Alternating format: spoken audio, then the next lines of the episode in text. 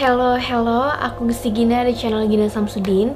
Guys, seperti biasa, hari ini kalian sedang ada di segmen Alkisah Yang mana aku bakal bercerita atau mengupas hal-hal yang berbau mitologi, misteri, atau hal menarik lainnya untuk diceritakan. Hari ini aku bakal mengupas tentang makhluk mitologi yang bisa dibilang dipercaya hampir di seluruh dunia Yaitu Putri Duyung alias mermaid. Dan tentunya tentang Putri Duyung ini masih menjadi perdebatan dari banyak orang gitu kan. Termasuk mungkin di antara kalian. Ada yang percaya, ada yang enggak. Karena rasanya mustahil. Ada makhluk setengah manusia, setengah ikan tapi bagaimana tentang video-video penampakan mermaid atau penampakan putri duyung yang beredar di internet yang mungkin kamu udah nonton karena aku sendiri pas searching itu banyak banget video-video penampakan mermaid di YouTube. Nah, hari ini aku bakal ngebahas apakah video itu real atau tidak beserta dengan asal-usul Putri Duyung. Tapi seperti biasa, sebelum kita menyalam lebih dalam mengenai Putri Duyung ini, please do subscribe channel Gina Samsudin, nyalakan loncengnya, dan juga tulis komentar di video ini. Kita intro dulu.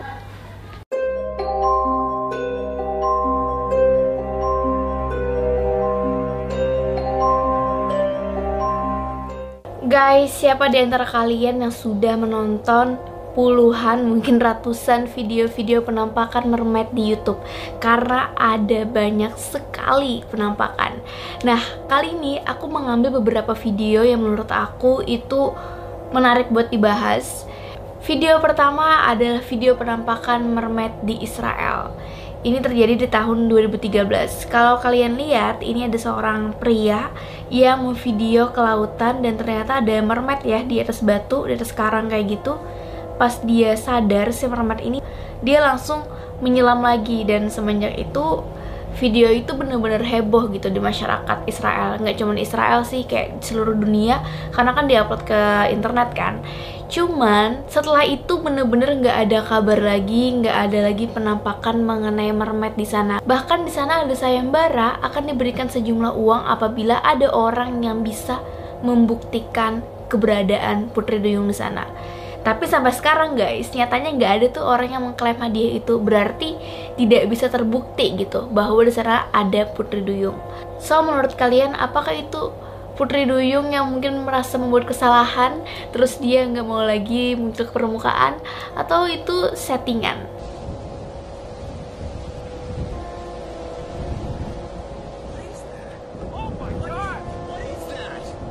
Video penampakan selanjutnya yang paling sering beredar juga adalah tentang body atau mayat dari mermaid. Nah, ini ada terdapat di video di pantai Florida dan ada juga video-video serupa gitu.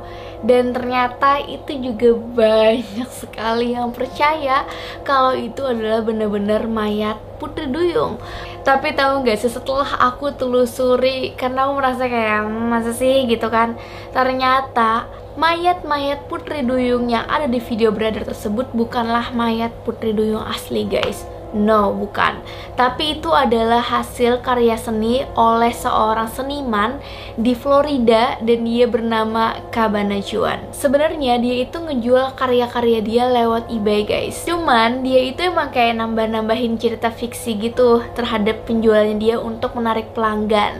Nah, karena itu udah masuk ke internet kan, ada juga pihak-pihak lain yang kemudian mengambil videonya, ngambil fotonya, dan dia dibikin-bikin hoaxnya kayak gitu. Akhirnya menyebar di berbagai negara hoax itu yang mereka meyakini itu adalah mayat Putri Duyung. Padahal bukan, itu adalah hasil seni buatan yang dia buat dari berbagai macam bahan seperti tengkorak binatang, kulit ikan, serta binatang lainnya gitu. Ada juga dari baja, plastik hingga kaca fiber guys. Bahkan foto-foto dari mayat mermaid ini pernah beredar di Indonesia oleh akun Facebook yang bernama Rifki Hasan dan ada banyak orang yang membalas, nge-like dan percaya gitu. Dan dia mengklaim itu adalah terdamparnya mayat mermaid di pantai Nepa, Madura. Tapi itu tidak benar, itu hoax guys, hoax, hoax. Jadi memang si Cabernet ini sangat tertarik sama hal-hal yang berbau kriptozoologi dan juga fiksi ilmiah. Itu kenapa dia menciptakan seni-seni Putri Duyung dan dia bermimpi suatu hari nanti punya museum sendiri tentang makhluk-makhluk laut gitu.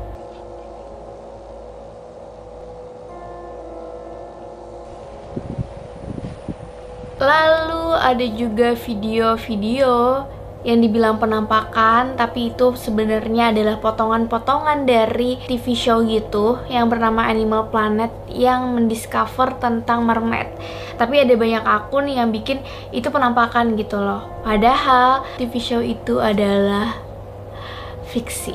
Itu tidak benar guys. Jadi kayak mereka mendatangkan aktor terus mengaku sebagai profesor yang memang melakukan pencarian riset segala macam dan menemukan mermaid gitu. Bahkan ada video-videonya juga kan.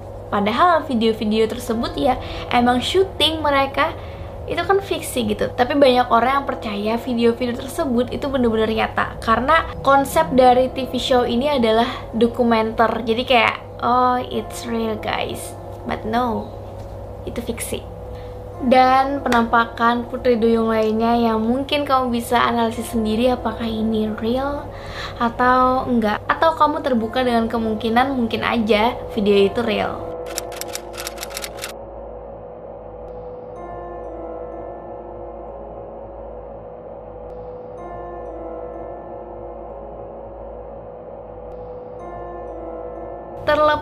mengenai video-video penampakan itu nyata ataupun tidak, kamu percaya ataupun tidak, sebenarnya cerita mengenai Putri Duyung ini adalah topik yang sangat menarik karena ya unik aja kan seluruh dunia itu dari beribu-ribu tahun yang lalu mereka mengenal sosok mitologi, sosok makhluk yang sebenarnya saat itu kan informasi tidak secepat sekarang gitu kan. Tapi hampir semua manusia di belahan dunia menggambarkan tentang makhluk setengah manusia setengah ikan.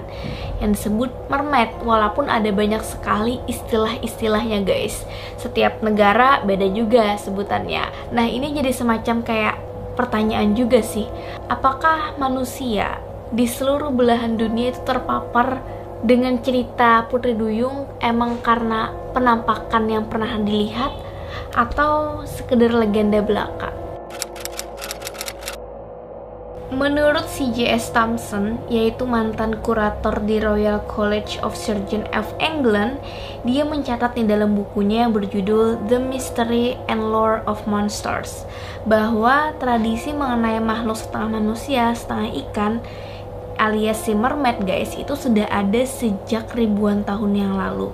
Ada banyak cerita mitologi mengenai Putri Duyung yang sangat terkenal di dunia. Beberapa di antaranya yang pertama adalah mitologi dari Syria. Cerita Putri Duyung pertama kali ini ditemukan di Assyria guys. Jadi dulu tuh ada seorang dewi yang bernama Dewi Atergatis, yaitu ibu dari Ratu Assyria Semiramis. Nah, si Dewi Atergatis ini jatuh cinta nih sama seorang gembala. Tapi tanpa sengaja Dewi ini malah membunuhnya. Di beberapa sumber mengatakan pacarnya ini terbunuh saat lagi enak-enak karena katanya si Dewi ini memiliki uh, power gitu, tapi nggak sengaja nih sampai terbunuh.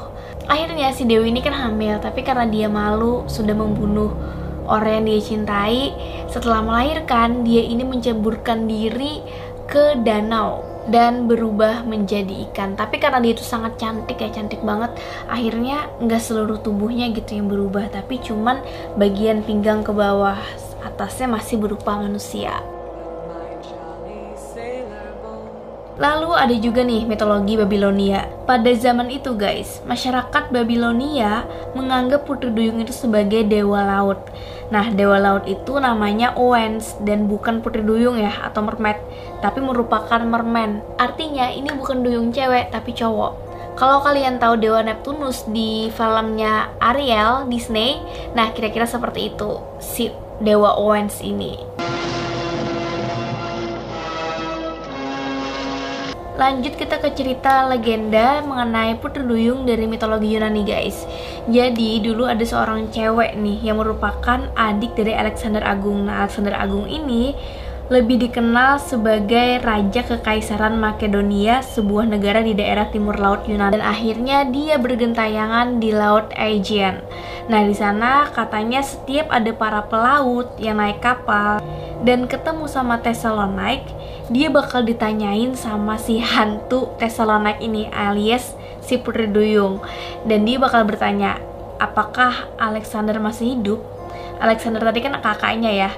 Dan si pelaut-pelaut yang ketemu dia harus menjawab dengan tepat, yaitu jawabannya, iya dia masih hidup dan berkuasa menaklukkan dunia. Kalau Thessalonike ini mendengar jawaban itu, dia bakalan senang dan membuat perairan menjadi tenang. Akhirnya kapal bakal selamat nih melintas di daerah dia. Tapi kalau jawabannya salah, seperti aku nggak tahu, atau Alexander sudah meninggal dunia, maka dia bakal marah guys. Dan bahkan dipercaya Putri Duyung yang satu ini bisa mendatangkan badai dan juga melaknat kapal beserta para orang-orang di dalamnya. Jadi Putri Duyung Thessalonik ini mengerikan juga ya. Tapi guys, di dalam mitologi Yunani juga sebelum mereka mengenal mermaid, mereka itu udah kenal dengan istilah siren. Dan tentunya ada banyak sekali versi mengenai mitos siren ini di sana. Tapi kebanyakan mereka mengatakan bahwa sirens ini memiliki suara yang sangat merdu. Mereka biasanya menyanyikan nyanyian cinta dan kata-kata manis dan tujuannya untuk membujuk para pelaut mengubah haluan dan datang ke pulau mereka, kemudian dimangsa. Kemudian legenda yang terkenal tentunya juga dari Eropa guys, yaitu buku The Little Mermaid yang ditulis oleh Hans Christian Andersen di tahun 1837. Nah, meskipun ini judulnya sama kayak di Disney, justru berbeda dengan endingnya yang ada di Disney yang bahagia, happy ending. Kalau di bukunya Anderson itu tragis.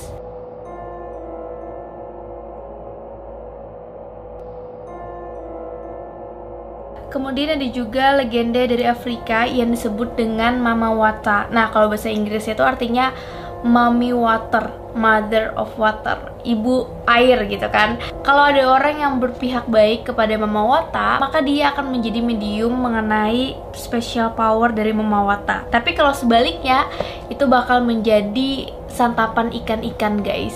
Duh serem banget ya. Ada juga legenda mengenai Putri Duyung di Tiongkok kalau air matanya itu justru bisa menjadi mutiara putih gitu kan.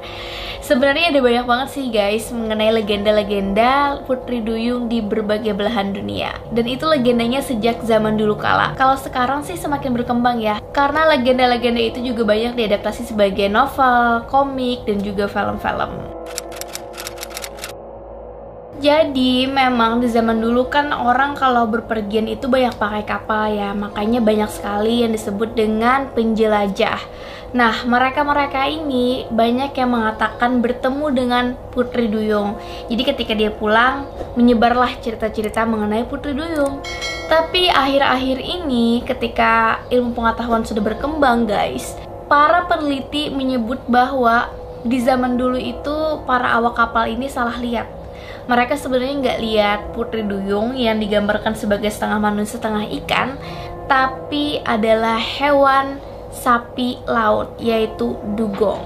Seorang ilmuwan yang bernama Richard Dawkins dalam The Greatest Show on Earth: The Evidence for Evolution di tahun 2009 di bukunya dia mengatakan bahwa mungkin para pelaut itu karena sekian lama menahan hasrat biologisnya dari kejauhan di tengah laut memandang dugong dan manate serta keliru menganggap mereka sebagai perempuan.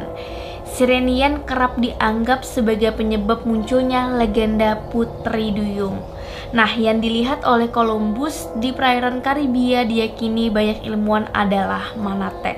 Nah, memang para peneliti beberapa puluh tahun terakhir mengatakan ada makhluk laut yang bernama dugong itu kenapa selama beberapa puluh tahun terakhir para peneliti itu berkesimpulan yang dilihat orang di zaman dulu sebagai putri duyung itu sebenarnya adalah sebangsa Sirenian. Sirenian ini bukan siren study ya, tapi merupakan mamalia laut yang memiliki beberapa persamaan sekaligus perbedaan dengan lumba-lumba dan paus. Nah, Sirenian ini guys, dia itu cuma mampu hidup di dalam air dan dapat bertahan dalam air hingga 15 menit. Jadi dia itu butuh menghirup oksigen, makanya dia sesekali muncul ke permukaan untuk bernafas melalui hidungnya.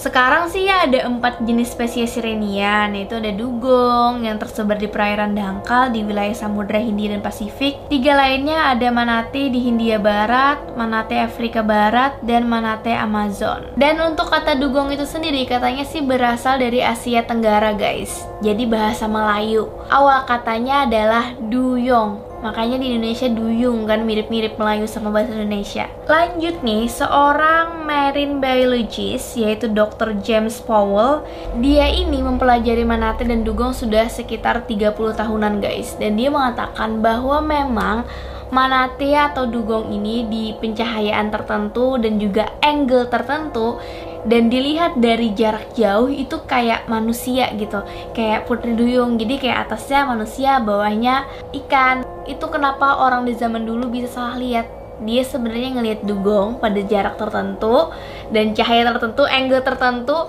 tapi mereka meyakini karena sudah sering mendengar cerita-cerita mengenai putri duyung, mereka semacam, oh putri duyung nyata. Bahkan guys, kerangka suspek mermaid yang ditemukan di Mombasa Island di Pulau Mombasa itu kan dibawa ke Portsmouth ya untuk diinvestigasi oleh Philosophical Society.